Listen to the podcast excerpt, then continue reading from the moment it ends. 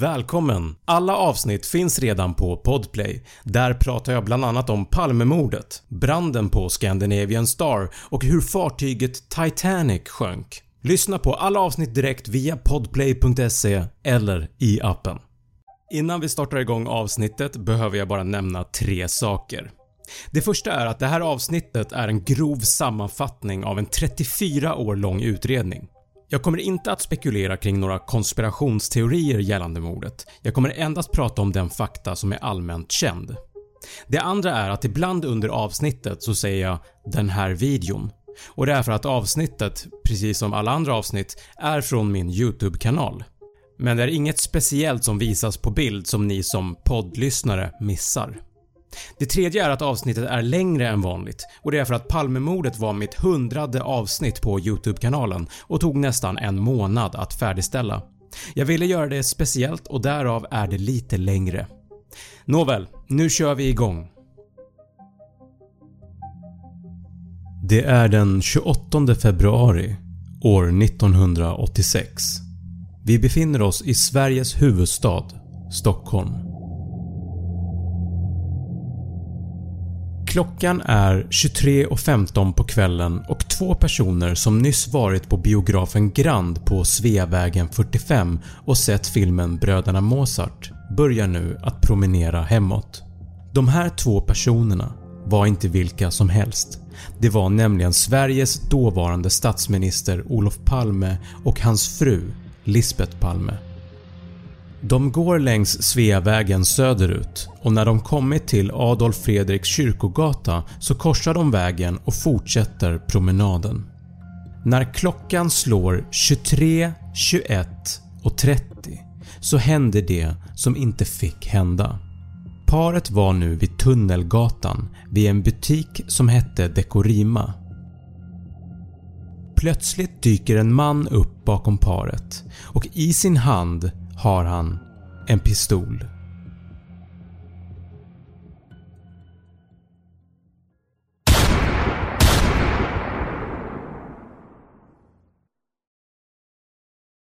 Dånet av två skott som går av ekar genom gatorna den här februarikvällen.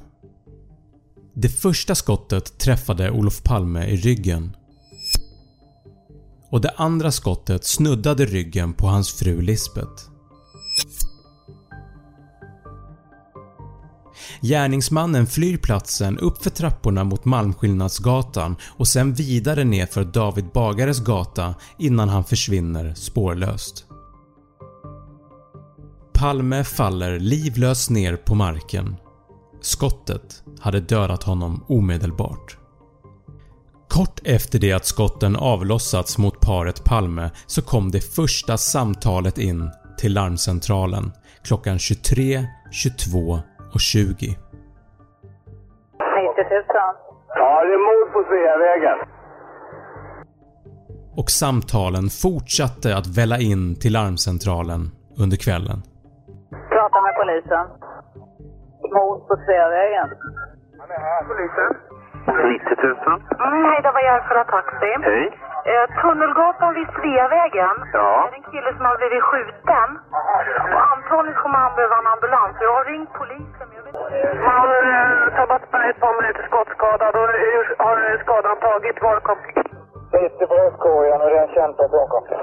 Jo, då, det var en bil som var före oss Hela den här händelsen skulle väcka så otroligt många frågor. Frågor som folk skulle ställa sig i flera år framöver. Vad var det egentligen som hände? Varför skulle någon vilja döda Sveriges statsminister? Och framförallt, vem mördade Olof Palme?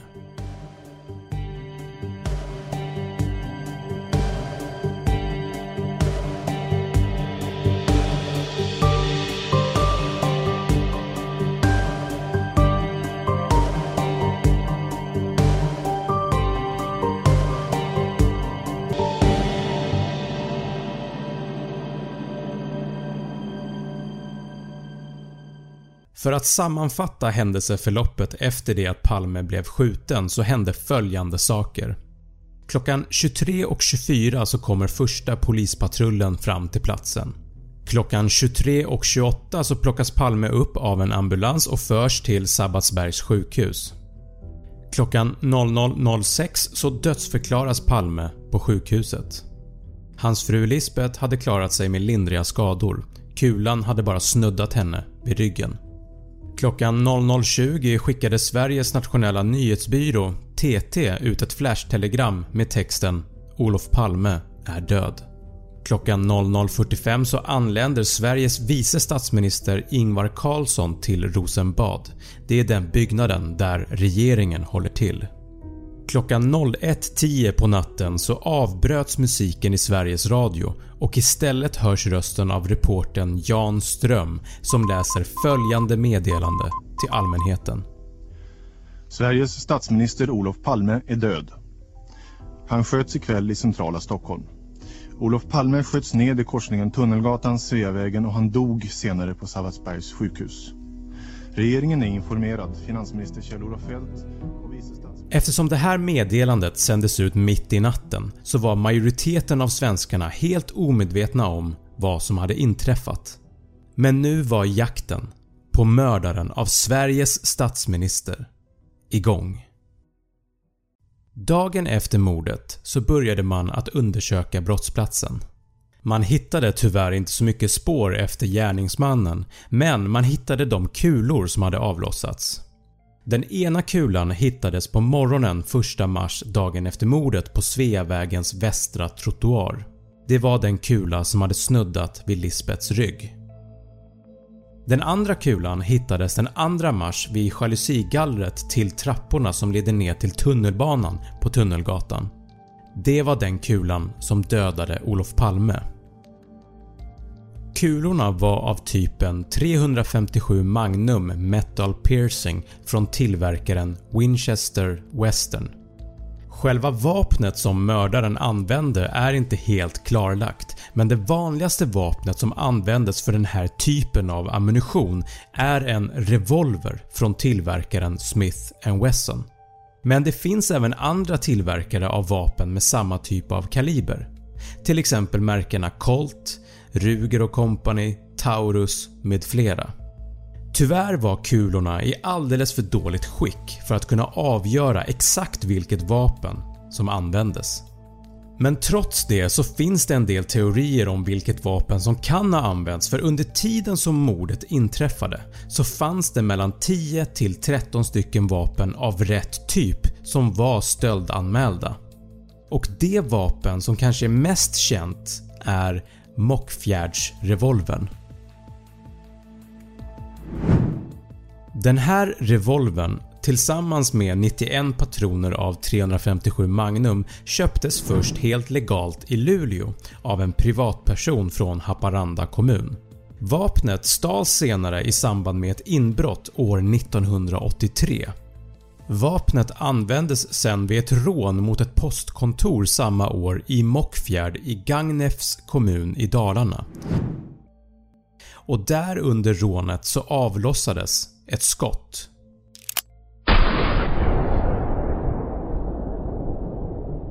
När man sen analyserade kulan så visade det att den kulan och även kulan som hittades på Sveavägen som mördade Palme var tillverkade under ett och samma tillfälle och såldes i Sverige i slutet av 1970-talet. Mockfjärdsrevolvern hittades 2006 i Djursjön ungefär en och en halv mil från Mockfjärd av två privata dykare Benny Gustafsson och Ove Jansson. Revolvern som hade varit ett stort intresse för polisen och eftersökt i 20 år hittades på cirka 3 timmar av två privata dykare som anlitats av Expressen.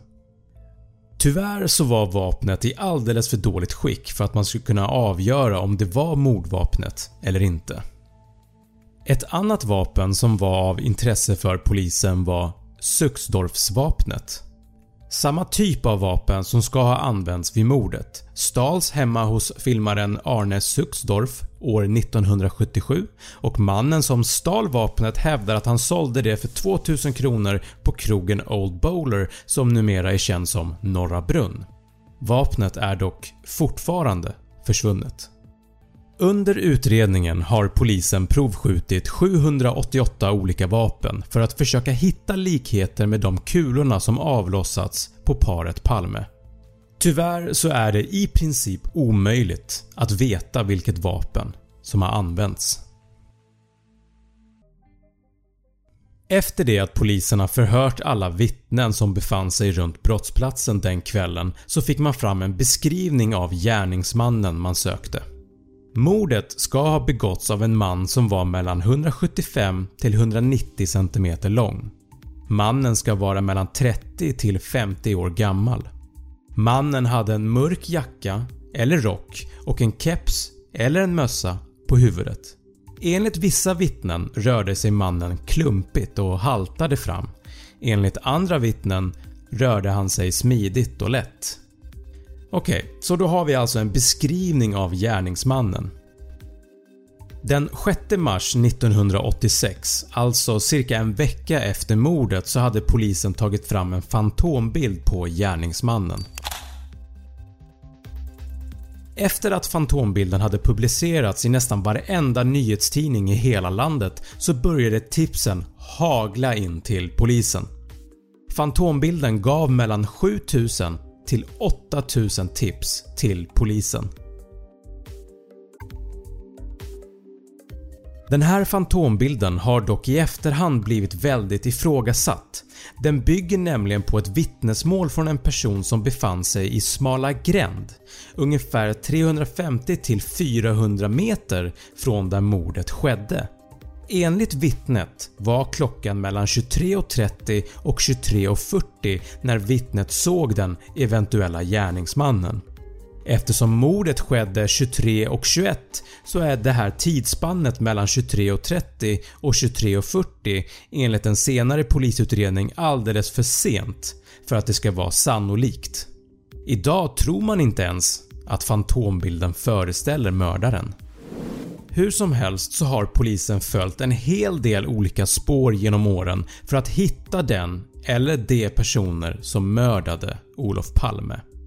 Kom ihåg att den här videon är en sammanfattning så jag kommer inte gå igenom alla eventuella gärningsmän och spår men vi tittar på tre av dem som har uppmärksammats mycket i media och de är 33-åringen Christer Pettersson och Skandiamannen. Om vi börjar med 33-åringen.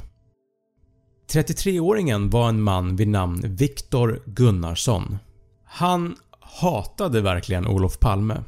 Han var medlem i Europeiska arbetarpartiet, en organisation som var väldigt kritiska mot Olof Palme. Han gillade även vapen. Enligt ett vittne så hade Gunnarsson sagt att han stridit för USA i Vietnamkriget samt att han var utbildad av både FBI och CIA. Det har senare visat sig att han endast gjort en vapenfri tjänst under värnplikten. Enligt personer som känner honom väl så beskriver de honom lite som en mytoman, lögnaktig och att han fantiserar mycket. Tipset om den så kallade 33-åringen kom in till polisen redan dagen efter mordet. En kvinna berättade att hon hade varit på ett café vid namn Mon Cherie på Kungsgatan vid 22-tiden samma kväll som mordet skedde. Mannen hade under den tid han spenderade på kaféet pratat högt om sitt hat mot Olof Palme. Även flera andra personer ska ha tipsat polisen om samma man och även de har nämnt 33-åringens Palmehat. Den 8 mars 1986 så hämtades han av polisen och togs in till förhör. Han släpptes samma kväll men redan fyra dagar senare så togs han in på förhör igen och nu började polisen att bli misstänksamma. Han berättade i förhöret att han befunnit sig på Mon Cherie samma kväll som mordet ägde rum. I kaféet så ska han ha pratat med tre olika kvinnor och även två män. Efter det så hade han gått till biografen Rigoletto för att se en film och efter filmen var slut så gick han till McDonalds på Kungsgatan. De två männen han hade pratat med på Mon Cherie uppgav till polisen att Gunnarsson lämnat kaféet mellan 23.00 och 23.30. Polisen hittade även spår på Gunnarssons jacka som tydde på att han nyligen hade avfyrat ett vapen. Dock så vet man inte om det var samma typ av vapen som används mot Palme. Han häktades 17 mars 1986 i cirka 3 veckor innan han var på fri fot igen. Man hade inga konkreta bevis. Och i juli 1988 så lades förundersökningen ner mot Gunnarsson. Då kommer vi till Christer Pettersson. Christer Pettersson var känd för polisen sedan tidigare.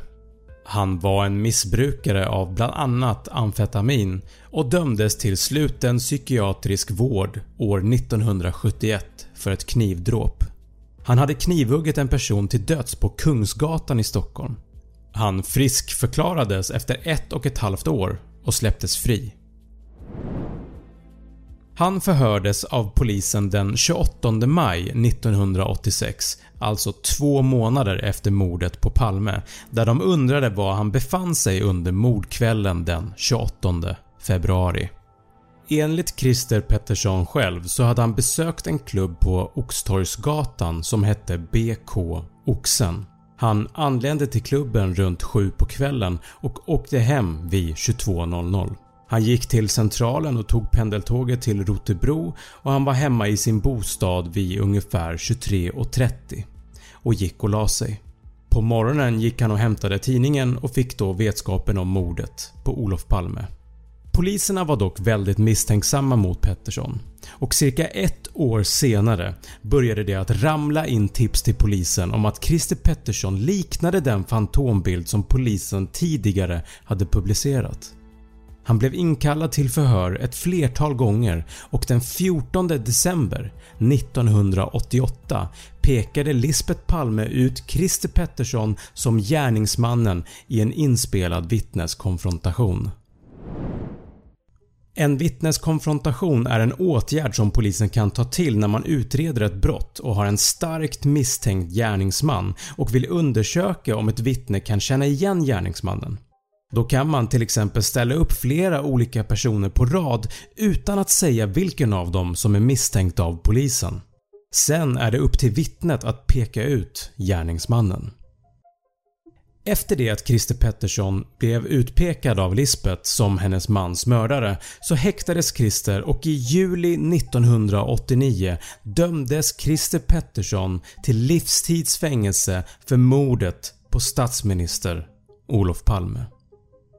Och där hade mysteriet om Olof Palmes mördare blivit löst. För tillfället i alla fall.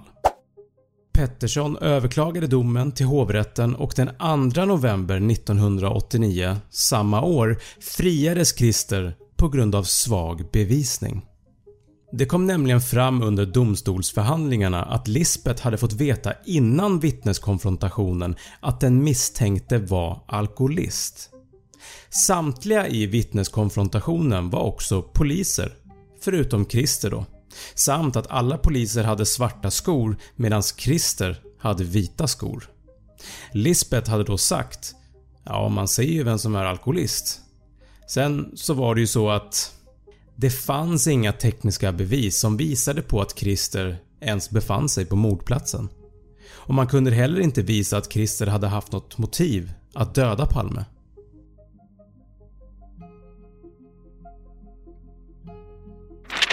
Och då kommer vi till den tredje gärningsmannen i den här videon.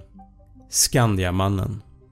Stig Engström var en grafisk formgivare och reklamkonsulent på försäkringsbolaget Skandia. Han var medlem i en skytteklubb och kände även en vapensamlare. Skandias huvudkontor låg vid det här tillfället på Sveavägen 44 precis intill mordplatsen Stig förhördes den 1 mars 1986, dagen efter mordet. Hans beskrivning av mordkvällen är som följer. Han hade slutat sitt arbete för kvällen och gick hemåt vid 23.20. När han var på Sveavägen söderut så hör han en smäll ungefär 20 meter bort. Sen ser han en person ligga på marken och blod på marken samt att det var folk runt omkring. När han kommer fram så säger Lisbeth till honom att gärningsmannen hade en mörkblå täckjacka.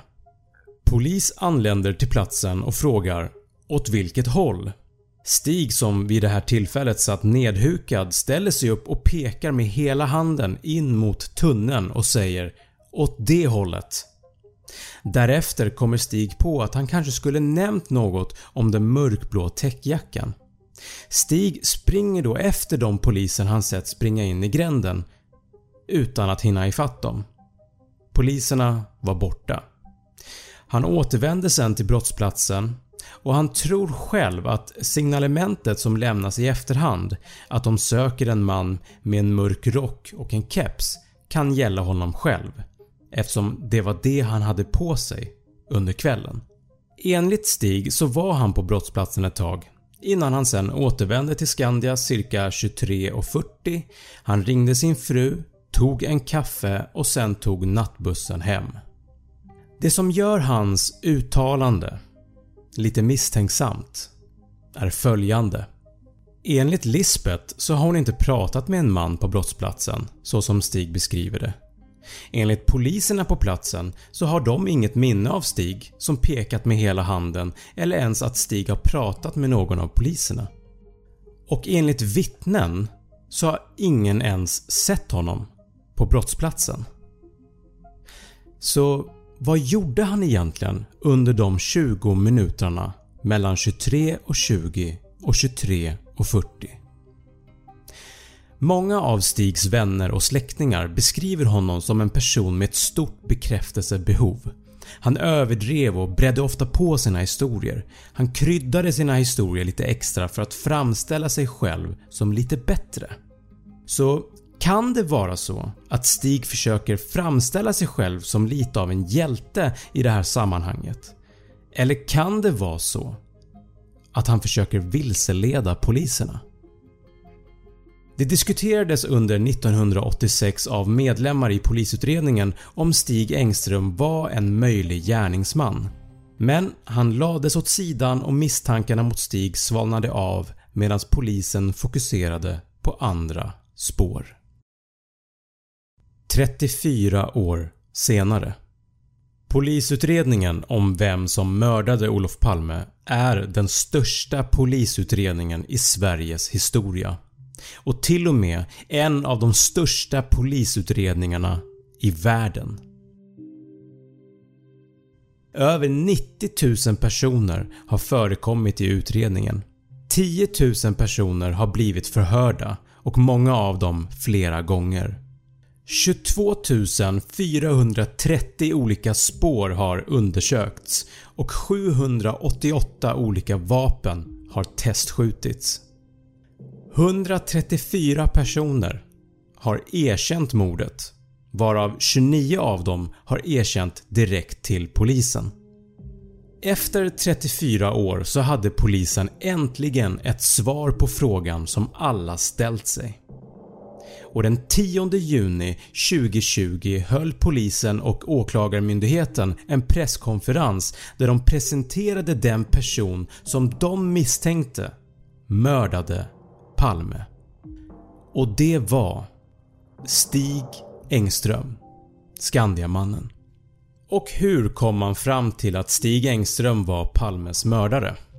Det baseras bland annat på att inget vittne minns Stig från brottsplatsen och att delar av hans berättelse om vad som skedde under mordkvällen var väldigt osannolika.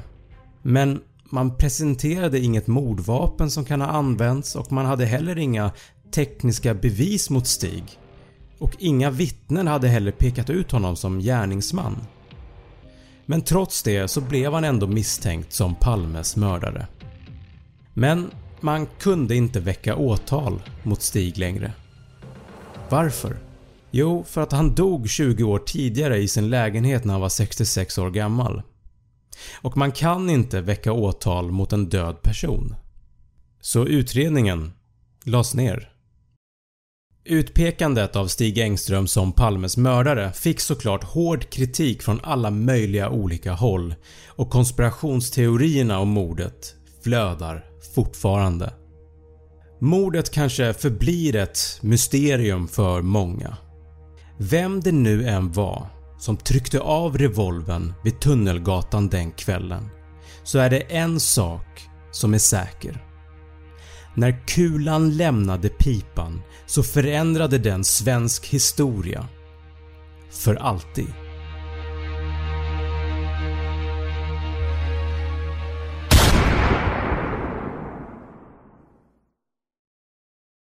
Tack för att du har lyssnat på det här avsnittet. Kom ihåg att alla avsnitt finns att lyssna på via podplay.se eller i appen. Glöm inte att prenumerera på min YouTube-kanal Snabbfakta och på Instagram heter jag Fakta. Nästa avsnitt kommer att handla om branden på fartyget Scandinavian Star.